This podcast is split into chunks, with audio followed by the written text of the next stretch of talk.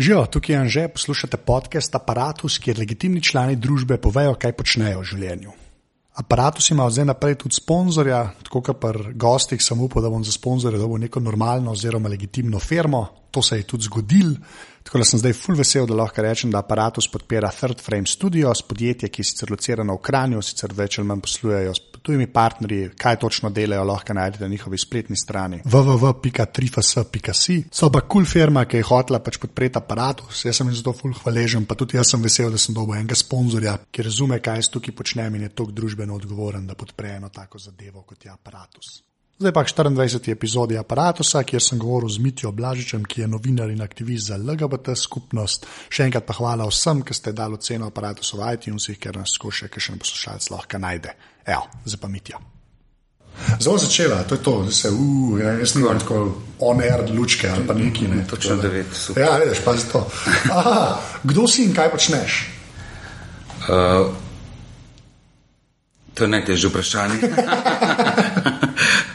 sem več reči, med drugim sem Mitja Blažič, uh, sem uh, aktivist za človekove pravice gejev in lezbik, sem vem, nacionalni trener človekovih pravic po programu Kompas, sem novinar, sem nikoli diplomirani študent FDV-ja, sin, uh, moški uh, slovenske narodnosti, belc, uh, istospolno usmirjen um, med ateizmom in nečem in virom nekaj nadnaravnega.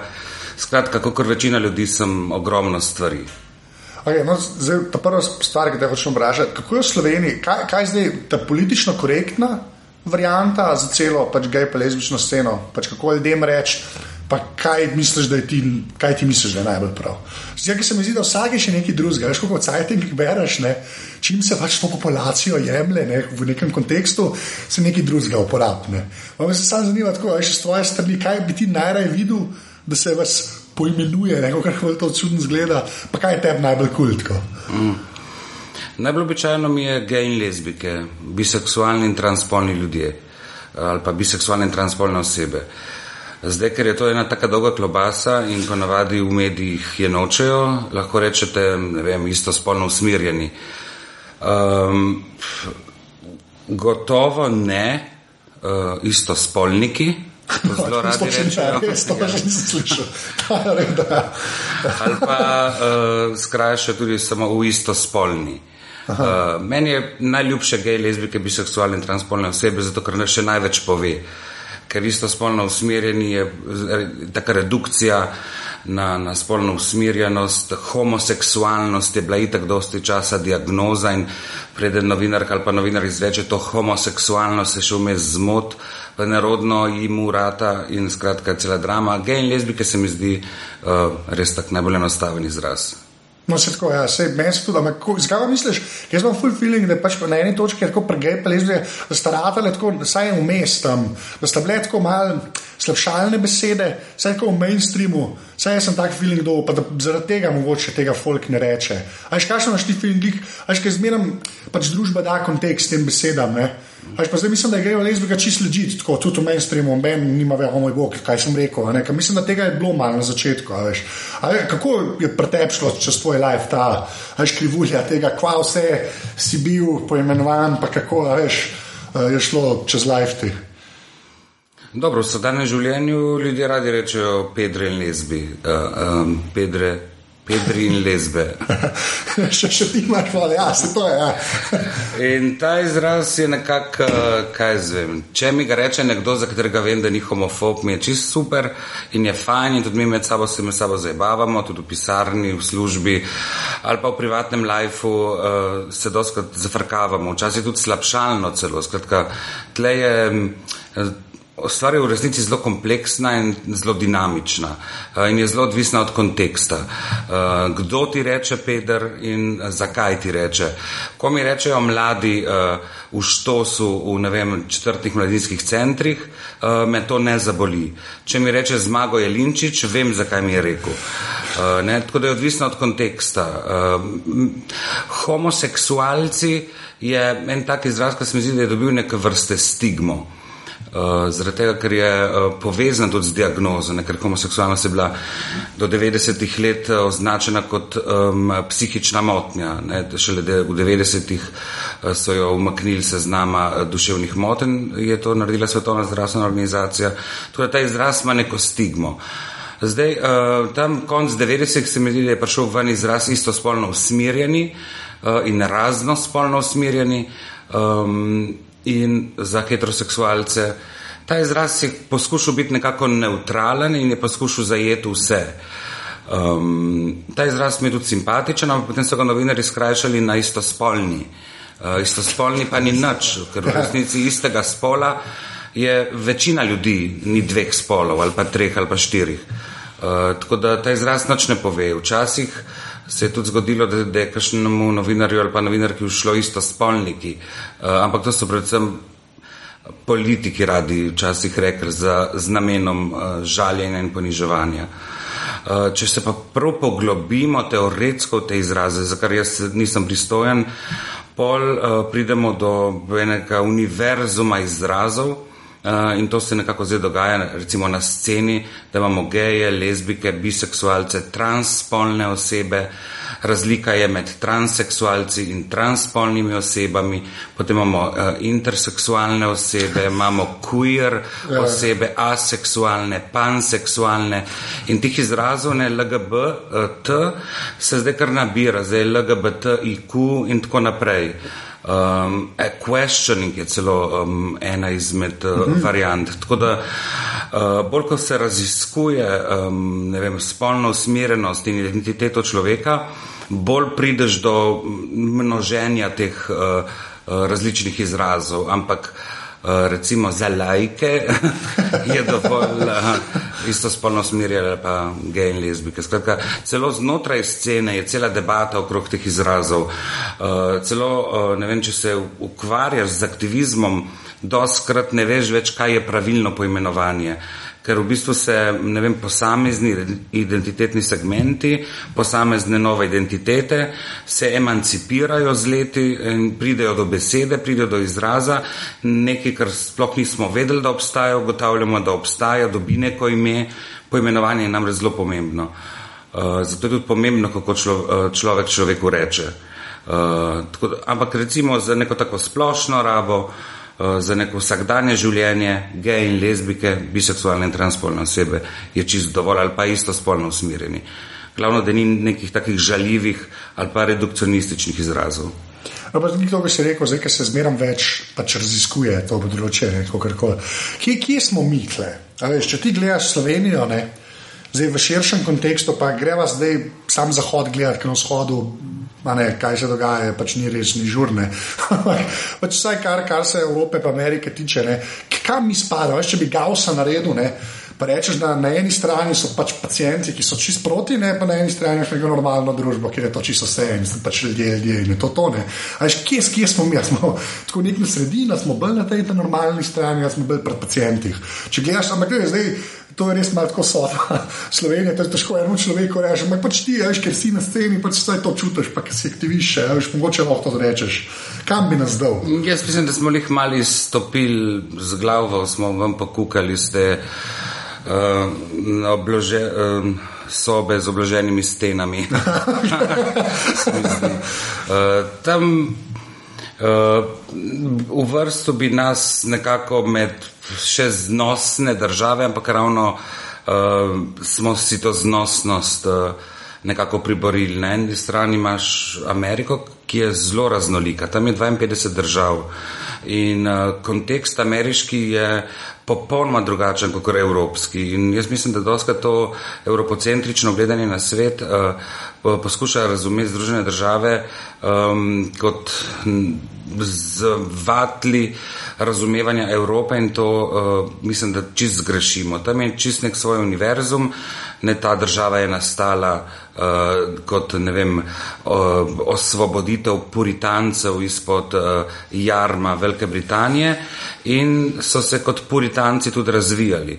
Um, in tam je 52 držav, 52 realnosti in če se poskuša malo posplošiti, lahko rečemo, da na jugu je še vedno velika konservativnost, um, ampak konservativnost takega tipa, ki je recimo v zahodnji Evropi, ne srečaš več. Um, je pa tudi drugačnega tipa kot tista, ki jo srečaš recimo na Balkanu. Um, mm. Tako da um, so pa države, ki so meka za gej in lezbike, recimo vem, Kalifornija na nek način. Čeprav ravno Kalifornija je dokaz, kako različna je ta in raznolika je ta ameriška realnost. Oni so imeli poroke dovoljene nekaj časa, ja, potem pa so dobili propejt, so ja. dobili, ki je ravno zdaj konc meseca bo se vrhovno sodišče o tem izrekalo. Uh, in so poroke kar nekaj postale prepovedane. Amerika je neka posebna situacija. Uh, no, samo nekaj to sem rado vprašal, pa le, le so propej to menila. Ja. Pač, ker je res ta kampanja tam iz desnice ameriške, ne, da so denar ulivali v to, še tako mormoni so dejali, ne, to. Predvsem mormoni. Ja, mormoni, ne, so, ja, ja. No, kako, kako pa se pri nas na te stvari gleda? Veš, koliko, na eni točki zdaj Obama prišel ven in rekel, hej, gej so kul, cool, na to veš. Mislim, kako, kako, Kako misliš, da to vpliva? Pol, veš, vsakič, ko tujci nekaj naredijo, pa se nam zdi fajn, ne? mi to zmerno kupimo. Se mi zdi, da Slovenija ima zmerno večjo težo, kot tujci nekaj poštemplajo. Ne? Zdaj je Obama, ki je kakorkoli, kot se reče, teh 52 realnosti, zdaj pa njihov hefe rekel, hej, whatever. Ne? Še republikanci zdaj niso več tako nervozni, kot so bili. Ne? Kako pa pač se v Sloveniji na te zadeve gleda? Je to tako samo pozitivno, se to vidi, ali tako veš, da je to več ali manj boljši, pa bo treba pri nas nekaj narediti. Jaz Združene države razumem predvsem v, neki taki podobni luči, kot je bil uh, rimski imperij. Uh, in um, kar Amerika reče, ima v svetovnem merilu vpliv. Zato zdaj vsi čakamo, kaj bo reklo vrhovno sodišče na dve temi. Na temi zaščitnega zakona za zakonsko zvezo, torej doma, in na temo Proposition 8. In ravno konec junija se sodišče o tem izjasnjuje. A obeh zadevah? Obeh zadevah. A, a tako naenkrat, da bo že spet v en dan vse. To je. Ja. Aha, žur. Okay. Ja. V bistvu, načeloma naj bi bilo to konec junija, a, ko je to razglašeno in če, če njihovo vrhovno sodišče reče, da, je, da so a, tako Proposition 8 kot doma neustavni, pol gotovo dobi svet sporočilo, da je Amerika naredila korak naprej na tem področju in to nedvomno povzroči, da se cel svet premakne naprej na tem področju. To, da je Obama uh, se zauzel tudi za človekove pravice gejev in lezbik in izhajal ravno iz civilnega gibanja um, za pravice temnopoltih v Ameriki, uh, to je bilo zelo pomembno sporočilo. Uh, in kot vidiš zdaj v zadnjem času, se v svetovnem merilu um, stvari premikajo naprej. Še eno tisto prejšnjo vprašanje nisem na koncu no, no, odgovoril, uh, kje vidim Slovenijo.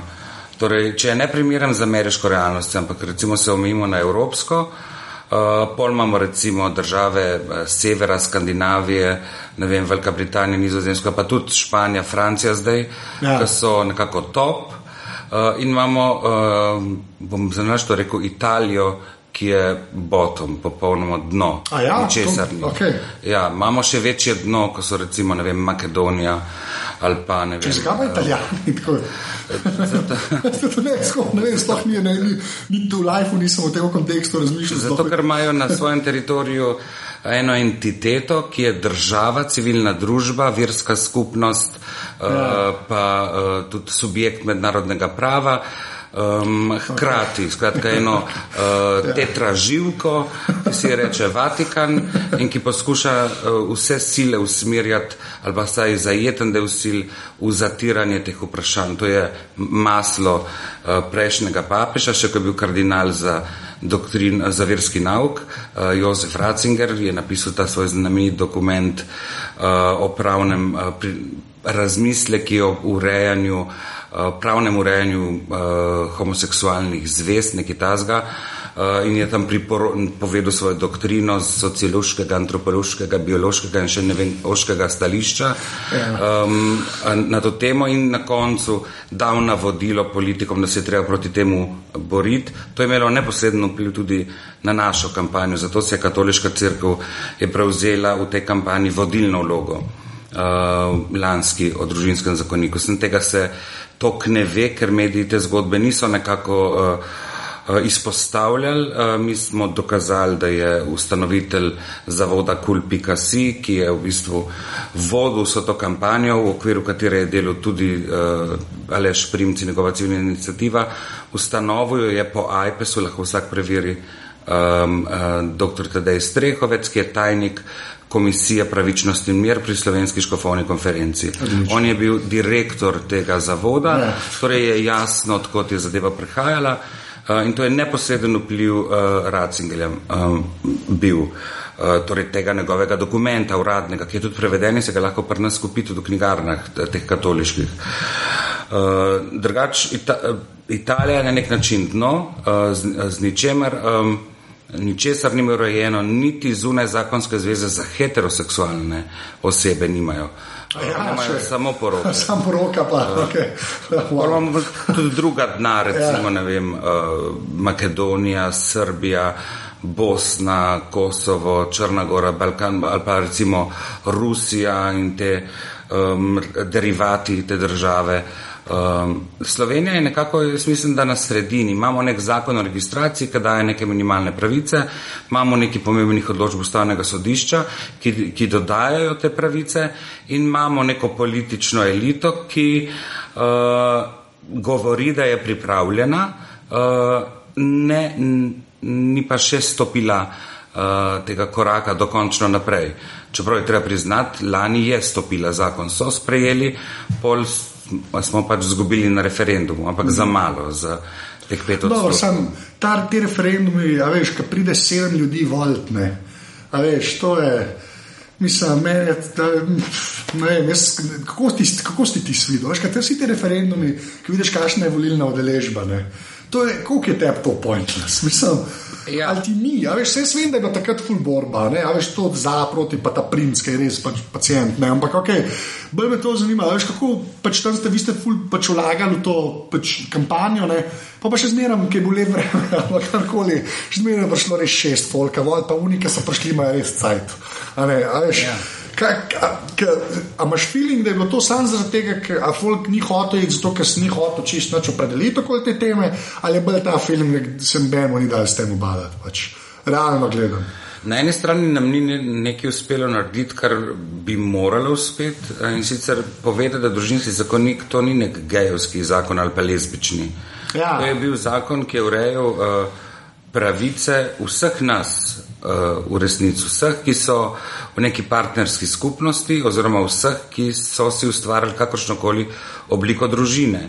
In v resnici je bil to zakon, ki se je ukvarjal s, za, za zaščito nekako otrok v teh skupnosti. Uh, v družinskih skupnostih. Ja, prejšnja verzija je bila iz leta 1977. Ja, ja, ja. Za tisti čas zelo napredna, ampak v, v 30 letih zastarela. Uh, in uh, bil je dober zakon in urejal je nekako um, intimna življenja vseh nas, uh, stališča seveda socialnih pravic, zaščite otrokovih pravic in tako naprej. Ljudje pa tega niso razumeli. Mislili so, da so tisti trije členi ali štirje členi, ki so urejali uh, tudi isto spolne pare, uh, point tega uh, zakona, uh, pa niso bili. In zato, ker se niso identificirali, niso šli. Po mojem, so imeli tudi poln kufar vseh teh uh, referendumov, ki je bila ja. res en tak plas referendumov. Pa po mojem bilo tudi nizko zaupanje uh, in uh, poln kufr uh, politike in, in vsega tega dogajanja. In pa še ena stvar je gotovo res, vedno je tudi nizka udeležba na teh referendumih, nikoli ni neke visoke udeležbe, razen ko gre za kakšne take plebiscitarne odločitve, tam pol je. Ja, pa še to smo samo enkrat videli. Pa. Ja, še to smo samo enkrat videli praktično. Uh, tako da Uh, imamo volilno telo, ki je uh, bolj konservativno in bolj liberalno. In, uh, bolj liberalno telo je bolj heterogeno. Uh, bolj liberalno telo ne prenese um, enega ukaza, ki ga je treba ubogati, uh, in enega mnenja, ki ga je treba spoštovati, ampak ima pluralno in liberalno volilno telo. Uh, številna mnenja. In ta mnenja je težje poenotiti ali pa težje usmeriti k enemu cilju kot uh, na konservativni strani, ker pa je en človek, eno mnenje, en ukaz in vsi ubogajo.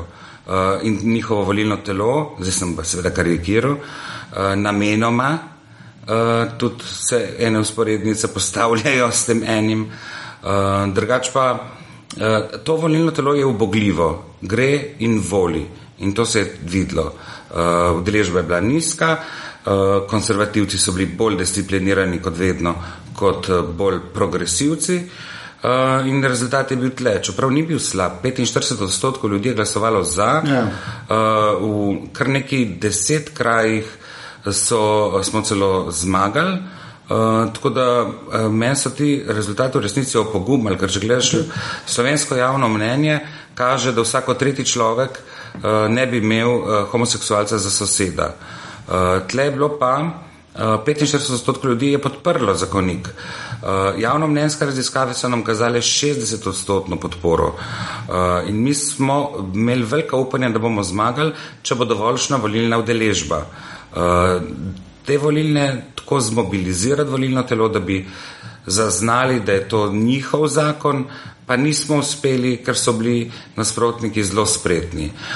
Nasprotniki manipulirajo s človekovimi pravicami um, in z manjšinami in z vprašanji družine in spolnosti uh, in smrti že 2000 let imajo zelo dobre izkušnje, zato nismo proti takemu nasprotniku uh, nič nečastno uh, zgubili. Mi nimamo 2000 let uh, tradicije manipuliranja z ljudmi. Ampak kaj me še zanima? Resmo desnica pri nas, prej si politike omenil, kako to dojemajo. Saj jaz sem tak film, kaj ne bo prav, če se motim. Ampak po eni strani kar se te teme tiče, ne, je mogoče malo zegna. Da, mi, da, da je pač, kle, pač SDS tako močen, rato, ne, ki sicer ima tam noter res ene te ljudi, ki, bi, ki, bi, ki se jih američani ne bi strahovali, kar se konzervativnosti tiče. Ampak se mi zdi, da SDS je tako manjše zlo v tem kontekstu, kot kar prejšnje desničarske stranke v Sloveniji. Ne. Saj kar se LGBT ali ne. Veš, pa to je res pravi.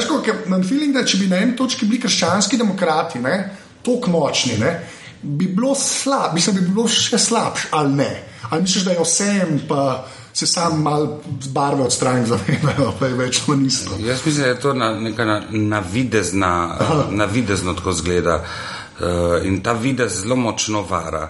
Um, zakaj varam?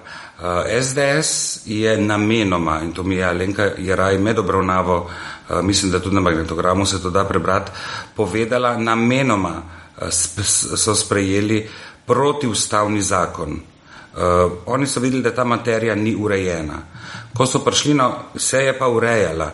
Zakon je bil pripravljen in v prvem branju je tudi že šel skozi. Uh, ko so oni prišli na oblast, so videli, da se ta tema ureja. In ker so na oblasti, so se očitno odločili, da jo bojo uredili, ampak na njihov način. Uh, kakšen je ta njihov način? Prvič zavestno protiustaven, drugič pa tak, da so naredili tak zakon, uh, da se ga zelo težko um, izziva pred ustavnim sodiščem, uh, ker je prazen. Not ni ničesar. Ne moreš reči, uh, da je nekaj protiustavno, uh, če, to, če tega enostavno v zakonu ni. Uh, zelo premišljeno so pripravili tak zakon in materijo uredili po svoje, uh, da jo bomo mi popravljali še 15 ali pa 20 let, vsaj 10, jo že, jo že popravljamo skoraj. Mm. Na leta 2015 bo 10 let. Uh, ta zakon se ne da popraviti, ta zakon je treba umakniti in novega dati, ker ta zakon je um, način, kako je SDS perfidno na svoj način uredil temo tako, da se jo bo urejalo, če se to popravlja še uh, 10-20 let. Tako da v tem smislu je zadeva uh, bolj premišljena. Uh, zgleda prijazna. Ne? Janša se je veliko krat hvalil, da so edina desna stranka, ki je uredila ta, uh, um, to področje. Edino uslugo, kar nam je naredil, je, da je res prvič nekaj tazga bilo v zakonodaji in da smo mi lahko začeli pred ustavnim sodiščem težiti, da je mm -hmm. ureditev protiustavna. Uh, Uh, to je edina pozitivna stvar. V resnici je pa tak zakon pripravil in materijo uredil tako po svoje, da se je ne da popraviti. In v tem je v bistvu prav perfidnost tega delovanja. Ampak to je bilo čisto zavestno. Čisto zavestno. Okay, ja, ja, absolutno. Ja, ja. Čisto zavestno je bilo. To se tudi vidi uh, iz izvajanja, iz debat, iz. Uh, ne more ti poslanka reči, vedeli smo, da je zakon protiustaven. Seveda so vedeli, se je zakonodajno pravna služba povedala, da je protiustaven. Že na začetku pa so ga vseeno sprejeli. To ne more biti neko naključje, da sprejmeš zakon, ko te opozorijo, da je protiustaven. Tako da je zadeva premišljena. Pr, um, ne vem, Novi Sloveniji, če bi bila na oblasti, jaz take premišljene perfidnosti mislim, da oni niso sposobni. Uh, tako da uh, tam gre bolj za um, neke bolj enostavne um, principe nasprotovanja.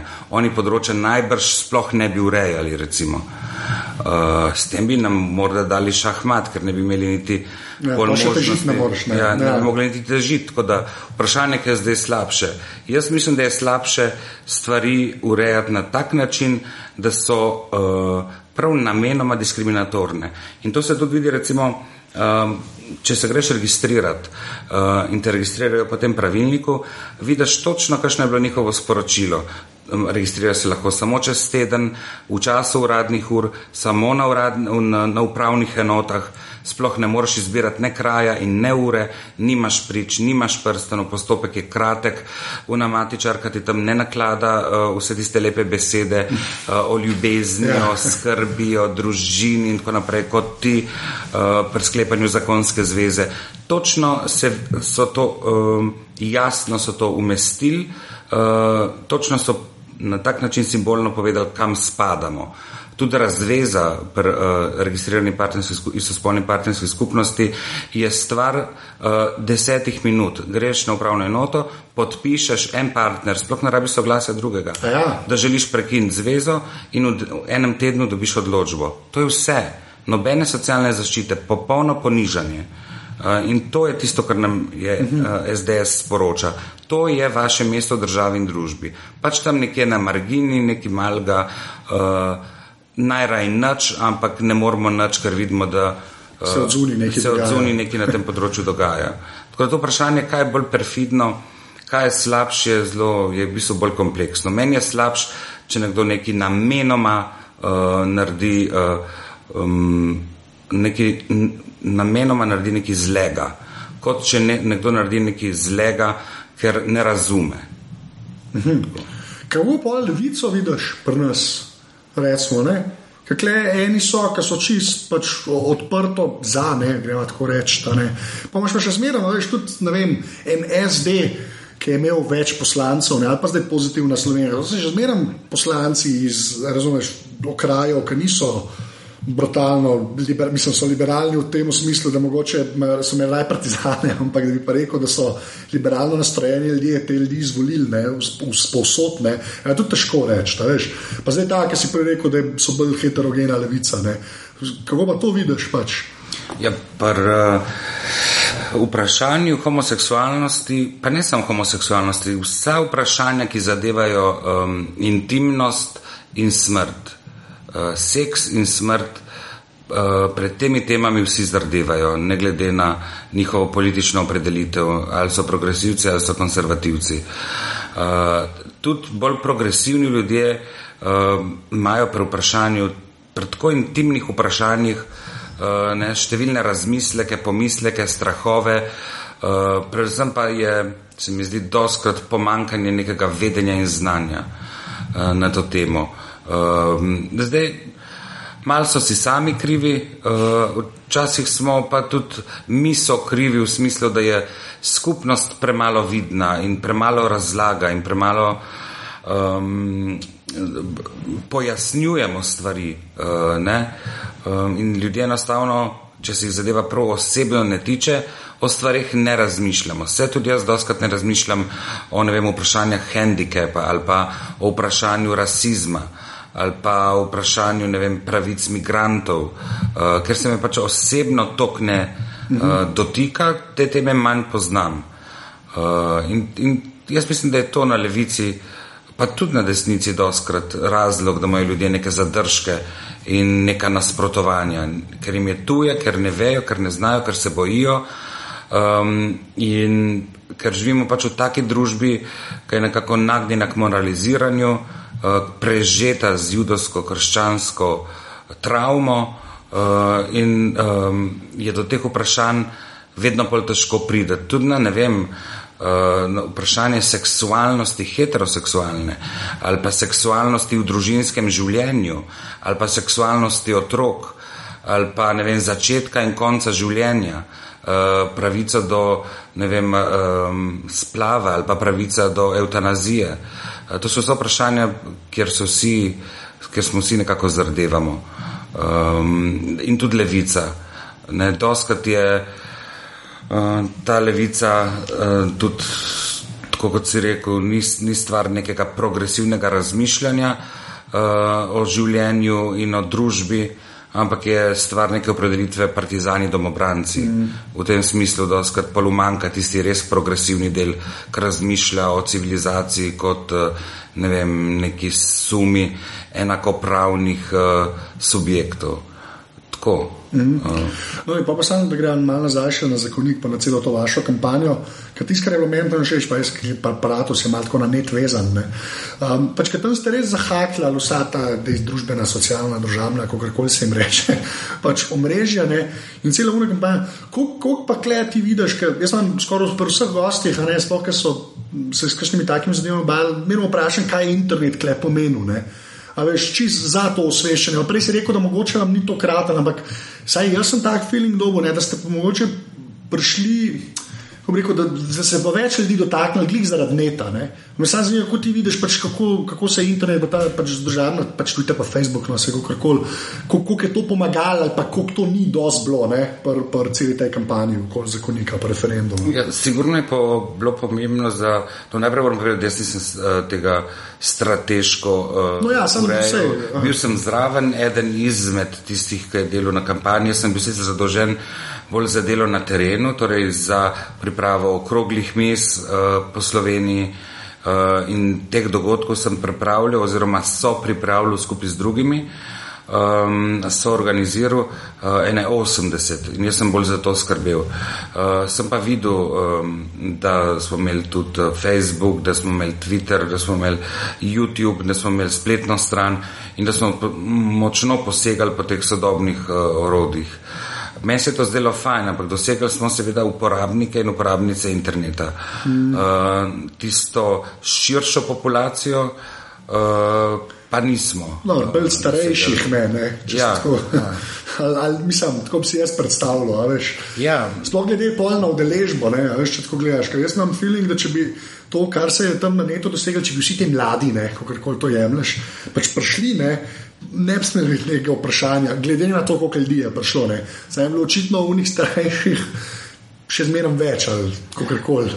Mi smo brali tudi nek, uh, ena dilema, se je tle odpirala. Ja. Máš na eni strani populistični pristop, kjer uporabljaš kratke jedrnate, um, enostavčne povedi, uh, ki so vem, trdilne narave, uh, uh, in predstavijo eno resnico. Ne?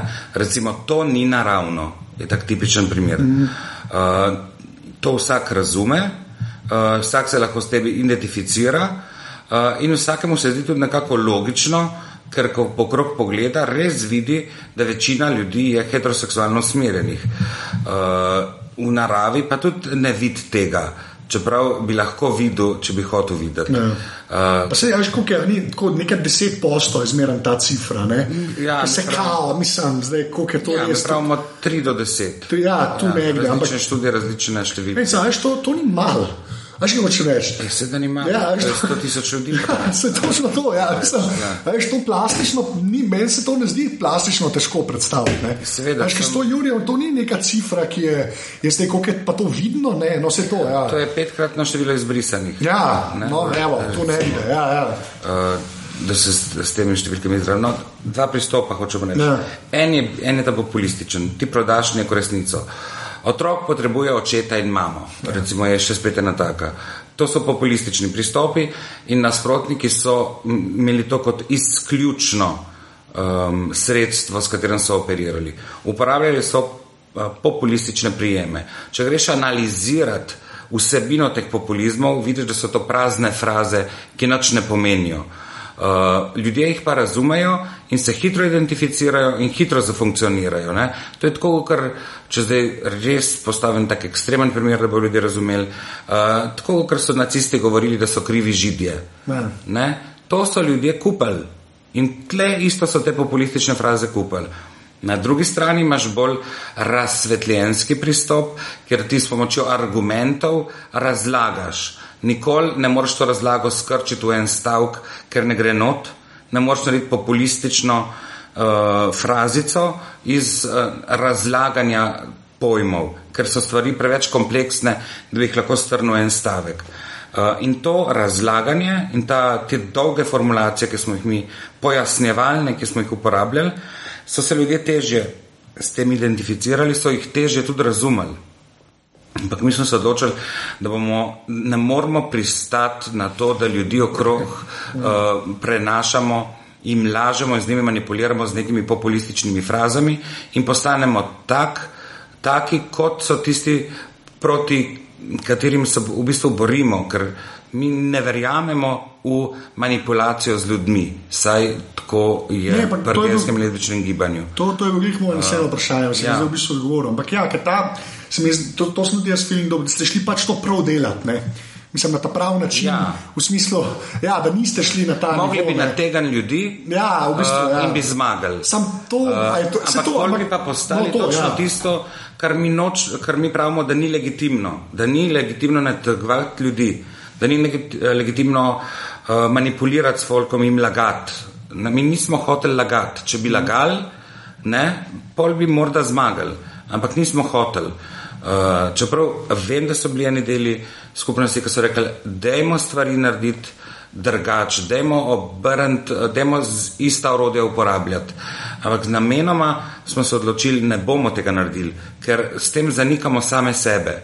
Morda bi zmagali, ampak jaz se ne bi upal več ljudi pogledati v faco, če bi zmagal z neko prevaro. Uh, Rajš smo izgubili na tak čist način in ljud, tisto, kar smo mi uh, ljudem govorili lahko danes, leto in pol po referendumu, vsak gre preveriti in povedati, da smo govorili resnico. Če greš pogledati, kaj so oni govorili, no, ja, okay. je jasno, da niso govorili resnice. Oni so ustrajali s, s pravico otrok do očeta in ma, mame do konca. Tega sploh ni bilo več v zakonu, ker je bila kompromisna različica, ja, ki ni imela posvojitve. In ta je bila sprejeta v državnem zboru. O tem smo odločili na referendumu. Oni so pa kar s tem ustrajali. Če greš gledati to eh, paniko okrog cepljenja, ki je bila, da bojo ja, centri socialno delo otroka je mal in jih pricilno cepili. Danes vemo, da tega ne bi mogli narediti. Ampak mm. oni so s tem, s takimi lažmi in manipulacijami uh, zmagali. In kar je najhujše, ljudje danes ne vejo, da so manj zaščiteni in da imajo njihovi otroci manj pravic, zato ker so se oni na referendumu tako odločili in da prej ali slej bojo mogli družinski zakonik sprejeti, ker rabijo uh, družine, pari, otroci to zaščito, ker imamo uh, v bistvu zastarev zakon na tem področju. Uh, tako da bojo najbrž sprejeli isti zakon, uh, sem. Sam tega ven... konteksta, no, ja, pač, ja. Samo nas bojo vendal. Ja, ja. In takrat bo prišlo na dan, če bojo ljudje reflektirali, pa ne bojo, kaj je bilo edino ja. tisto, kar je bilo moteče. Kašna cepljenja, ja. kašna preveč uh, pooblastil centra za socialno delo. To, to je bil vse larifari. Zato so ljudi zmanipulirali, da so bili proti. Ne? Ta stare so manipulirali z moralno opalniko okrog Pedrov, ki bojo laufali po cesti in kradali otroke, ja. kot so i cigani prej. Uh, te mlade, uh, hiperprotektivne starše so pa naslavljali uh, ja. z, um, z paniko pred tem, da bojo laufale uh, socialne delovke z iglami za njihovimi otroki in jih ceple. Uh, in bojo pa vsi avtistični ratal, ja, vključno z. Uh, še vedno je to boljšita. Ampak ja, ja. škaj me še zanima. A, a ti si s tem princem kdaj govoril? Tako, dejansko. Pa ne zdaj na nekih debatah, pa po TV-ju. S tem človekom kdaj govoril tako? V... Osebno. Ja. Ne. A je kdo z njim govoril, gledaj osebno? Jaz mislim, da ljudje, ki so se soočali z njim, um, so govorili tudi tako zasebno. Jaz sem govoril zasebno z Odmino Novak. Uh, tako po, um, to je bilo še v prejšnjih, pred tem družinskim zakonikom, ko smo imeli soočanje na mislim na zakon o registraciji ali uh, na teh temah, smo se enkrat po, na Pop TV-ju um, po oddaji malo poklepetali. Primce je takoj odletel stran in, uh, in pa sem jaz še rekel, da če se ne bomo rokovali in je prišel nazaj in dal roko. Ljudmila je pa ostala, uh, uh, zdaj tako domačijsko rečem Ljudmila, pač gospa Novak je ostala in sva malo klepetala. In uh, zdelo se mi je, no, saj sposobna se je pogovarjati in saj se mi je nekako zazdelo neka želja, da bi razumela, ampak iz tega njenega pogovora je bilo tako vreščalo je ven, da ona res ne razume. Ja. Ne razume in ne zna in ne more se nekako poistovetiti s tem. Um, um, prežeta je prav z nekim drugačnim razmišljanjem in nekako res ne more uh, iz tega drugačnega razmišljanja. Uh, in jaz mislim, da to niti se mi ni zdelo, da bi to delala iz neke hudobije, ampak iz, čiste, uh, iz čistega nerazumevanja. Uh, na tisti točki se mi je zdela še nekako, ok, pač ne razume in zato nasprotuje. Uh, in to je treba pač sprejeti. Medtem ko pri primcu se mi zdi, da pa ja, dobro razume. Uh, okay. In to dela ja. iz uh, čiste hudobije. Ja. Uh, iz čiste homofobije. Ja, ampak veš, kakšen mentalen preskok. Ja, sorry, ampak sem to, veš, kakšen mentalen preskok moš imeti, tako za, za njega govorim, ne? kakšen mentalen preskok moš imeti v glavi, da se, da se greš ko javno izpostavljati. Pač, mislim, da se, veš, da. Če, jaz imam tudi feeling, da on razume to, ne? pa da je to dejansko homofobija, da ni tle nekih. Pač, da misli, da ima moralno prav na neki to, točki. Pa, ne. Ampak, kaj, kaj, mislim, a ti štekaš, kakšen človek to naredi? Veš, kaj hočeš reči? To, to si dobro rekel, ne za ljudmi, novak. tam pač folk ne šteka, pa se ne more pač poistovetiti, pa pa ne more še malo svoje volilce gledati. Veš, pa se ta neka zborga to da ven, kar recimo mogoče pri Novi Sloveniji vam pride. In jaz to tudi skupaj, meni se to tudi zdi logično. Ne, ne zamerim, recimo. Ja, no, ona, ja. To je milje, v katerem ona to, deluje. To, to tako, ja. Ampak veš, pri princu pa ni tako, ne? saj jaz sem tak feeling do, pa zdaj ti tudi očitno. Mm. Ampak veš, kakšen je pa ta človek pa? Ali zato sem te vprašal, če si kdaj z njim govoril. Jaz bi rad enega spoznal, ki s tem človekom enkrat na eni kavi sedel. Pa mi je pa rekel, da mogoče ni to meni, res sam šteka, ali pa ome, oh, to je najslabši človek, zgodovini človeka. Ja, meni se zdi, da je zelo inteligenten človek, ja. uh, ker je dvakrat na tem področju uh, posegel, posegel je takrat, ko je bil referendum o BMP. Takrat je bil tudi med glavnimi nasprotniki te pravice do plovitve z biomedijsko pomočjo. Um, in pa v primeru družinskega zakonika. Zakaj to počne, sem razmišljal večkrat, sem si mislil, morda je to kakšna vem, politična karijera. Uh, sem se sam takrat pojavil. Se samo takrat pojavil. Njega ni vmes. Zdaj le rečeš, ali je šprinc, pufolka, sploh več ne ve, kdo je on. Ja. Mislim, res tako. Uh, če bi zdaj naprej razmišljal. Ne, pa se uh, jaz tako, veš, se nočem, da zdaj. Pridem do diagnoze.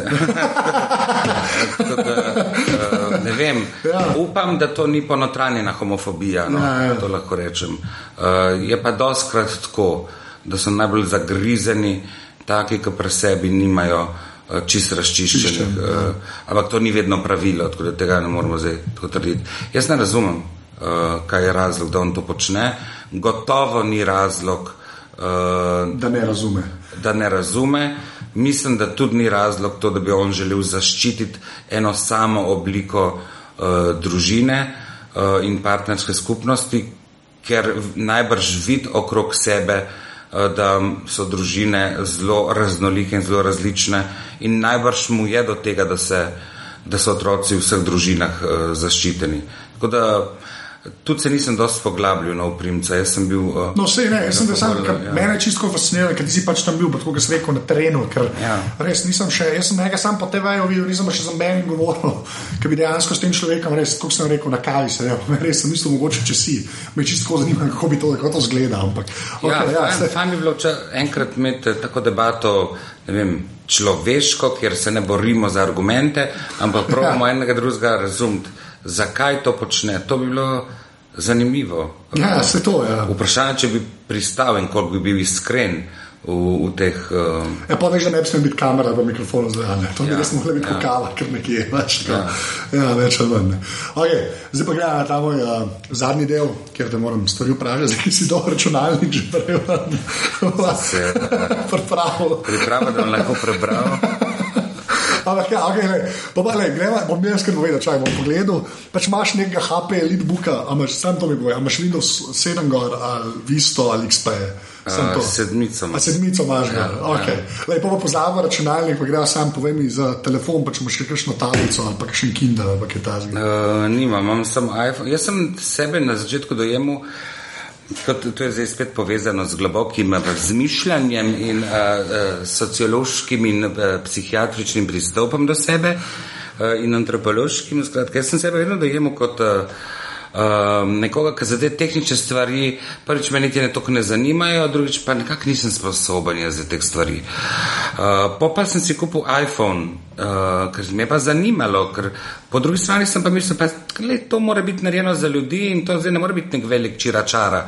Najbrž ne bom, ne vem, spoznaval ozadja aplikacij, ampak uporabljati se, to je za ljudi narejeno, Marija, to ne more biti narejeno za neke stručko. Zdaj si glikar povzel, zakaj je ta zadeva tako uspela. ja, ker je Evo. pač narejen za normalen folk. Pač, Ja, to, ja, ja. In evo, kupil sem si iPhone, tako ono sceno, ki ti um, zlažejo v faco, da je en evro, v resnici je pa 24 mesecev krat 28 evrov. Ampak to se v bistvu, Ja. veš, da ti zlaže in si pač tam daš tisti evro in rečeš, no, ostalih 24 obrokov pa 28 pa v naslednjih dveh letih. Ampak to sem si lahko prvoščil, Ja. uh, ne, ne bi pa mogel skeširati 500 ali 600 evrov Ja. uh, v šusu. Tako da pač kupiš ta bullshit. Uh, in Kjer ga pa ima, to je štirica? štirko imam še. Ja, in jaz mislim, da bo še kar imel, dokler bo uh, delal, ker mi je fajn. Uh -huh. uh, in pol padeš v ta aj svet. In je fajn. In če sem prej res imel telefon za, za klice, pa še en SMS, je to zdaj ratelo, mislim, sem še rad se nabrišem z njim, evo. vse ostalo pa uh, Ja, evo, itak, ja. uh, Facebook, Twitter, uh, Instagram, pa pol. Vse teh aplikacij je toliko, da pol vsak dan padeš v neke vrste osebnostno krizo, ker veš, da nikoli ne boš mogel vse kul cool aplikacije No, probati. se to, ampak jaz pa zmeraj ljudi vprašam, da mi povejo, veš, za une, ki jih res uporabljajo. Ne? Pa dobro, zdaj si te tri si že povedal, kaj je uno, kar, ki, veš, ki jih res. A recimo za e-mail uporabljaš kar to, kar ima Apple za e-mail? a- Ja, ja to uporabljam, čeprav imam naložen tudi pa ta aplikacijo Gmail, ampak uh, skoraj nikoli ne uporabljam. Imam kar to, kar ima že gor naloženo. Drugač, vsak dan Twitter, pa Facebook, pa Instagram. A pa za Twitter imaš ta official Twitter, imaš ta plavo ptičko ali ja. Ja. še enega drugega. Ne, tega ne, imam. imaš tega. Okay. Ja. Po pa so še kakšne tematske, recimo evo, ajde, daj. LGBT, nekaj, ki ljudi ne poznajo. No, to je cool, ja. Recimo Growler, Scruff, pa U4Bear, Grindir, pa Bear WW, to imam. Okay, jaz sem sam za Grindr, sem slišal, ker ta je bil ful popularen, ne, to mislim, ta je bil tako bil. Ja, sem jaz To sem je, bolj ja. pripadnik neke medvedje subkulture, kar sem pozabil odgovoriti na vprašanje, kaj sem. Okay. Sem tudi medel v resnici. Okay. Morda o tej subkulturi a enkrat drugič, ampak je zelo zanimiva. Evo, in podobno kot Grindir uh, za um, ostale um, identitetne nijanse gejev, uh, je za medote Growler. Uh, Pa... Ja, Growler, zdaj sem šel, da je, ja. Okay, ja, tekam. Okay. pa je U4Bear. Uh, tako, ena taka zanimiva dating aplikacija, v resnici je to aplikacija za iskanje hitrega seksa, Okay. ampak se lahko uporablja tudi samo za pogovore. Uh, tako da in spoznavanje folka, fajn je, smo všeč te stvari. Po pa te um, imam medijske dosto, 24 uh, ur, pa RTV Slo. Čeprav sem enkrat z RTV Slo, ko sem gledal uh, predstavitev ministrice za delo, družino in socialne zadeve, skoraj prebil, uh, sploh sem vedel, da to ponuca. Ja, a video si gledal. Ja, ja, vid Ja, video pol je ure na avtobusu sem gledal video in sem skoraj prebil te svoje 4 giga, ali koliko sem takrat imel, uh, mi je skoraj kaprukal, ko sem prišel domov. Ja, video je panika. Ja. Pa radio DJ imam, uh, te spletne radije, uh, to največkrat uporabljam. Pa imam to uh, za snemanje nekakšnih intervjujev, te aplikacije imam, odpiralne čase, super, to mi je zelo fajn. Uh, Kaj pa igre, kakšne, kaj igraš? ali- ne, nič ne igram. Igre imam gor samo zato, ker ne čakanja. Vsakeč, ko pridem, uh, mi vzame. Uh, Prvo vprašanje, je, še predtem sploh pozdrav, je, če lahko je posoden telefon. In pol imam eno mapico igrice in ona gre not in igra te igrice. Okay. uh, in pol časa igrava skup in sem zato jih imam, ker, ker jih ona v bistvu igra. Okay. Me pa tako skozi premaga, ker je svojstvena frustracija. Potem- Vse to mali so najboljši, veš, to, Meni je tem fascinantno, da sem rabil ne vem, 35 let, da sem odkril iPhone, ona pa je že zdaj pri petih letih to obvlada, ne samo da. Uh, Je ta generacija, ki bo s tem gor zrasla, to bo kar epsko, veš, te, Bo, te ja. ljudje bojo znali vse uporabljati. čeprav tudi mi, ne vem, jaz se spomnim, moji starši, ko smo kupili prvi, jaz mislim, da smo kupili ta um, sp, uh, Spektruma. Spektruma. SX Spectrum plus 2 sem imel, ki je imel še zraven kasetnik prilepljen na tipkovnico uh, in je bilo to super, truper. Uh, Medtem ko je imel uh, moj bratranc pa samo za X Spectrum in je mogel posebej zraven imeti ta uh, kasetnik, ker sem vesel, da je jaz največja faca. Uh, in in kot, kot otrok, nisem otrok, kaj, tam na koncu osnovne šole. Uh, sem to začel raziskovati in je bilo ful zanimivo. Moji starši pojma niso imeli. Ko so pa mene gledali, sem spal seveda kot največji stručko. Uh, ne, tako jaz zdaj gledam ne, na te Ja. male. Očitno so mladi Ja, če je to možgani. vse, kar poznaš, greš na Juriš in to je to. ja. Čeprav zdaj sem videl moja mati tudi Facebook uh, na veliko s temi tablicami. Ja. Uh, se mi zdi, s temi tablicami so. To je super za starejše, tudi ker izgubijo ta strah pred računalnikom, tam neki tapkajo. Pa noč ne moreš zajebati tam. Ja. Ja. Tam ne moreš tako pri, pri Windowsih lahko kaj kam vržeš, pa kaj ja. ne dela. Tam ja. pa noč ne moreš zajebati, pač nič. In fajn mi je, se mi se zdaj odpira tudi za te starejše, da mislim, moja mama koliko 54 letnike, koliko zdaj bo imela še 59 let, Ja. imela in ona zdaj odkriva Facebook in je uh, se pofrendala z SDS-ovci in kritizira jih tam na internetu, se kregajo in jo brišajo in me kliče, vsa straumirana, kaj da so ji rekli. Skratka, še to fazo ima, ko, ko se sprejema za prijatelje in ja, ja. se z ljudmi krega, pol, ko priješ k sebi. Uh, Ja, pa začneš na Tesla. svoj socialni krok. Ampak, evo, prej, prej sem prišel, me je klicala, zikar je kaj na Facebooku, uh, kdo rekel in zdaj moramo pripraviti kontrakomentar. Okay, Bomo še moj zadnje vprašanje. Če bi mogel izpostaviti nekaj fizičnega, ki si imel, še imaš, kaj misliš, da bo zate narejen, oziroma tebi pisal na kožo, kaj bi ta stvar bila. Palični mešalnik. Vsaka čast, redo. Evo, to, Pa to dobro mi je, ker si iz prve rekel, to mi je najbolj všeč. Zakaj? Sam to že dobro. jaz se furat kuham, in tudi jaz sem mesarjev sin, pa uh, sin gostinka in jaz v kuhinji tako zelo, mislim, seks je največji užitek, pol pa že kuhanje. Uh, in palični mešalnik se mi zdi en tak fajn pripomoček za une kremne, za vse praktično. Za seks ga ne uporabljam, če da ne bo kdo pomislil na to, ker prgejih nikoli ne veš. Uh, ampak v kuhinji je pa super pripomoček. In zdaj sem svojemu partnerju toliko časa težil, dokler ga, eh, ga ni kupil, Aha, ker ga ni imel. Uh, čeprav v mojem stanovanju sem pa blender odkril, ker je tudi fajn, ampak palični mešalnik, to je super.